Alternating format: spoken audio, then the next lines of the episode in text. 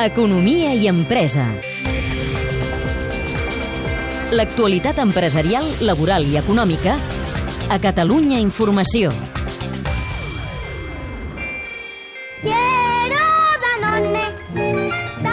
Aquest va ser el primer anunci televisiu de Danone, una empresa d'alimentació líder a escala mundial que va néixer a Barcelona ara fa 100 anys. Que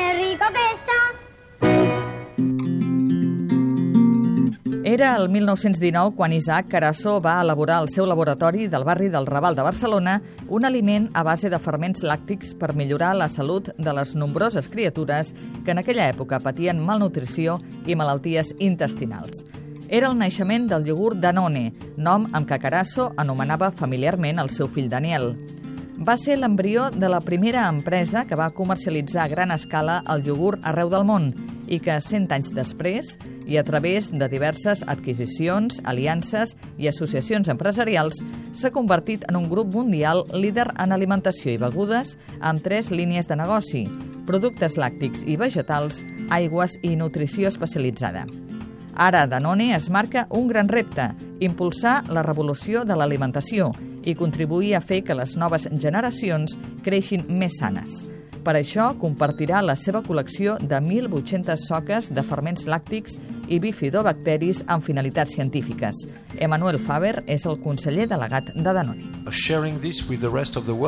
Compartint això amb la resta del món, amb persones que tenen passió i competències que nosaltres per si sols no tenim, podem fer una important contribució sobre com la fermentació pot seguir ajudant a assolir els reptes alimentaris i agrícoles del nostre món en aquests moments. Of this world and of this moment. Amb les seves innovacions, Danone genera beneficis globals per la societat.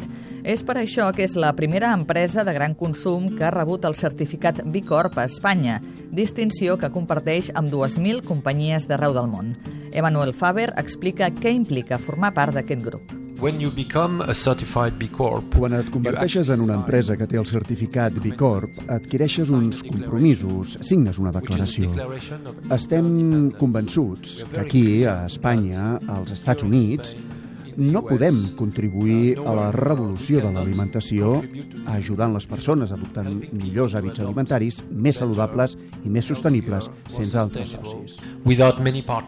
La sostenibilitat i el respecte pel medi ambient també són objectius bàsics de Danone. In all of them, uh, En totes les línies de negoci estem impulsant l'envasat sostenible, treballant per ser el 2025 una empresa amb tots els envasos compostables i reutilitzables.